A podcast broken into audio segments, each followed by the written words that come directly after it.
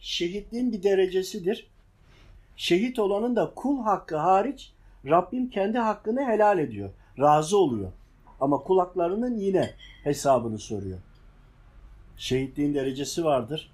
Kul haklarını da verdikten sonra yine şehitlerin kısmındasın. Yani kısım kısım düşünün. Yine şehitsin, şehit elbisesi giyiyorsun. Ayrıca o alemde farklı farklı elbise tip ve modelleri vardır. Elbiselerden dolayı insanların nasıl öldüğü, nasıl yaşadığı, yani dünyadan nasıl bir elbise giyip geldiği belli oluyor.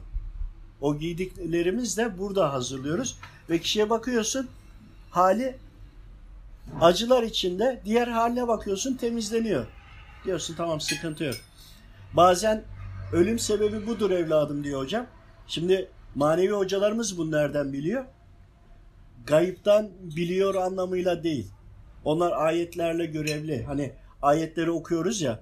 Okuduğumuz her ayetlerle ilgili görevli melekler, peygamberler, evliyalar, hadimler, hüddamlar birçok görevliler var. Bu gelen görevliler niyet ediyoruz yani. Geliyorlar ve bununla ilgili Rabbimin müsaade ettiği kadar kullara yardımcı oluyor. Çok bilirim. Kanser, ağır hasta, sinir ya sinir uçlarını bıçağa ve makasa benzer bir şeyle kestiklerini bilirim. Kestiği an kişinin ağrısı geçti. Yine ağrıyor ama şeye iletemiyor. Beyne iletemiyor. Beyinle aradaki hatları kesiyor. Ama nasıl kesiyor? Tövbe et deniliyor. Tövbe edince eğer kabul edildiyse o zaman bir kısmını kesiyor. Ağrısını, acısını en aşağıya düşürüyor. Yani yüz üzerinden 90 acı çekeceğine Rabbim merhamet ediyor. Kullarına müsaade ediyor. Sinirlerin bir kısmını iptal ettikleri zaman acıyı en düşük seviyede yaşayarak son nefesini veriyor. Yani o süre içinde acısı en aşağıya gelmiş oluyor. Yani bunlar çokça yaşadığımız konular.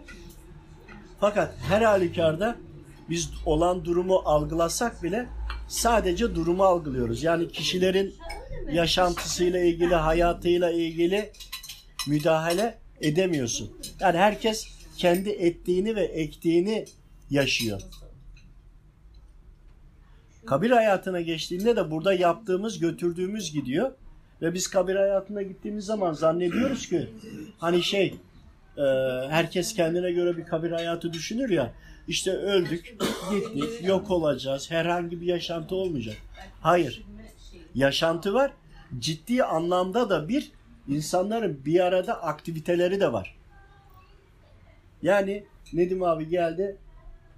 Dedi Mustafa ben öldüm mü? Abi dedim sen öldün. Ben dedi şimdi ne yapacağım? Yani o andaki şu. Bedeni toprağa konulmadığı için talkım verilmediği için son bildiriler olmadığı için şu anda dolaşıyor. Ve etrafındaki insanlara, sevdiklerine hızlı şekilde dolaşıp ben iyileştim diyecek. Ama o insanlar onu görmeyince, kendini anlatamayınca bu defa daha fazla insanlara, tanıdığına, eşine, dostuna ulaşıyor. Ama derdini anlatamıyor. Biz de orada Rabbimin izniyle onu algılayınca diyaloğa girdik. Dedim abi sen öldün. Ama dedi ben dedi ne yapacağımı bilmiyorum dedi. Bak onu idrak etti bak. Aklı, fikri, mantığı hepsi var. Bildiğin sadece bedeni yok. Ama aşağı yukarı aynı bedene yakın. Dedi senin çok yakın bir arkadaşın yok mu dedik. Ya dedi benim yanımda dedi bir arkadaşım var. Dedi ben dedi onu dedi çok iyi tanıyorum. Ama dedi kim olduğunu çıkartamadım. Şimdi görevli melek e, onu gezdiriyor, onunla ilgileniyor, yönlendiriyor. Dedik ki biz tabii bu kadar izah etmiyoruz. Çok yakın bir arkadaşım dedik. Var dedi ama kim olduğunu hatırlayamıyorum. Dedik o dedik bütün işlemleri ne yapacağını biliyor. Onu dedik takip et. Dedik bir kişi daha yok mu sizi takip eden? Evet dedi ya arkadan gelen birisi daha var. Dedik işte o da şeytan. Ona da dedik dikkat et ona uyma. Şimdi bunlar hak olan hepimizin başına da gelecek olanlar. Ama bundan sonra devam ettiğimizde Ne yapacaksa, burada ne yaptıysak onunla karşılaşacağız ve kabir hayatına geçtiğimizde şunu da söyleyeyim, burayı bitireyim. Şimdi bir ölüm olduğunda insanların en acılı olduğu an ölümün ilk duyduğu an. Her geçen gün anne babamız, evladımız dahi olsa ölen gün geçtikçe rahatlarız. Çünkü şöyledir onun altındaki teknik açısı. Ruh ölümü duyduğu an en uzak kaldığımız an. Zaman ilerledikçe diğeri kabir hayatına gitti ya. Biz de ona doğru gittiğimiz için o orada bekliyor. Her geçen gün, her dakikalar döndükçe biz ona yaklaştığımız için içimize ferahlık gelir, rahatlama gelir. Hani insanlar ölümü kaldırıyor deniliyor ya. Ölümü kaldırıyor olması bizim ona doğru gidişimizden dolayıdır. Her geçen gün zaman kısaldığı için. Ve ruh bunu biliyor. Biliyor ama bunu bedene anlatamıyor. Bedende çünkü nefis ve şeytanımızla birlikte vücudumuzla birlikte olunca biz diğerlerine uymayı tercih ediyoruz. Tercih ettiğimiz için ruhumuzu dinlemiyoruz. Yani can sıkıntısı, problem olma sebebi de budur. Canı sıkılan insanın kesinlikle net ruhu bedeninden razı değildir. Kesin. Yani e, insanlar e, canım sıkılıyor, ruhum sıkılıyor, darlanıyorum. Daha da ileri gidelim panik atak vesaire. Ama panik atağa geçelim. Sıkılıp darlanan kişi farklı kıyafet, farklı bir yere gezinti vesaire yapacağına alnını secdeye koysa gerçekten tövbe etse kurtulur. Can sıkıntısının geçirecek tek hal ve hareket ibadettir. Ama samimiyetle yapılan ve tövbeyle yapılan. Kesinlikle ibadetlerimizi tövbesiz yapmamalıyız. Tövbe yaparaktan her ne yapıyorsak başlamalıyız. Yani zikirde, namazda, dualarda, hayra, senatta. Tövbesiz yaptığın zaman üzerinde kir varsa kirin üzerine yine iyilik, güzelliği oturtmaya çalışıyorsun. Ama o aradaki kir arada olduğu için üste yaptıklarını götürebilir. Tutmayabilir çünkü. Ve kabir hayatına geçtikten sonra bizler orada bizden önceki olanları tanıdığımız kişileri orada yine aynı şekilde tanıyoruz. Yani burada birbirimizi tanıdık değil mi? Hepimiz gideceğiz ve kabir hayatında birbirimizi gördüğümüzde hatırlayacağız. Biz burada görüşmüştük, bu olmuştu diye konuşabileceğiz. Veyahut da kabir hayatına gittik. Diyelim ki e, ben annemi gördüm orada. Annem karşıladı. Zaten geleceğimizden de oradan haberdar oluyorlar. Oraya listeler veriliyor. Haberdar oluyorlar ve bekliyorlar. Kabir hayatına geçildi. Ben annemi gördüm. Hasret giderdik. Dedi ki oğlum baban nerede? Anne babam işte senden sonra geldi ya. Oğlum buraya gelmedi. Eyvah diyoruz o zaman. Niye? Demek ki direkt cehennemlik tarafa gitti. Şöyle Galibela ruhların komple toparlandığı olduğu e, yaşadığı yer Galibela. Galibela'dan bir tek çıkış nok kapısı vardır. Bununla birlikte anne karnına gelir. Dünyaya gelir. Dünyadan sonra iki tane çıkış kapısı vardır. Bir direkt cehennemlik yani imansız olanlar. İkincisi imanlı olanlar. Günahkar olabilir vesaire. Ancak imanı varsa imanlı tarafa girer. Girdiği zaman burada belirli zamanlar Rabbimin müsaadesine göre e, birbirleriyle görüşürler ve orada eğer annem bana oğlum babanı görmedim ben de annem benden önce babam gelmişti dediğimde eyvah diyor cehennemliğe direkt gitti ve bir daha o aleme o ortamda bir daha babamızı aramıyoruz. Çünkü aynı yaşlara yakınız. Herkes birbirinin ne olduğunu burada görüşenler, tanışanlar birbirlerini orada görüyorlar, tanıyorlar. Ama sonradan gelenlerden haber alıp da orada da yoksa diğer tarafta olduğunu kesinlikle biliyorsun. Hani daha beklenti içine girmiyorsun. Velev ki aynı şey cehennemlik imansızların tarafında olduysa yine aynı söylendi. Ha diyoruz ki demek ki imanlı tarafa geçti. Bu kadar da insanlar, kullar, ruhlar orada birbirleriyle e, istişare edip görüşebiliyorlar. Beraber orada e, halka oluşturup zikir çekebiliyorlar. Birçok şeyleri paylaşıp orada uçsuz bucaksız bir hayat yaşayabiliyorlar. Ve buradaki düzene e, kıyaslamayla anlatabilirsek bu dünyanın sistemi oksijendir, havadır, çalışmaktır vesaire. Bunun gibi ise orada da çalışma yok. Ama orada da insanlar yine yaşantısına devam ediyor. Ama imanlı oldukları için daha e, hesap gününe gelinmediği için oradaki yaşantıda günah işleyemiyorsun bir.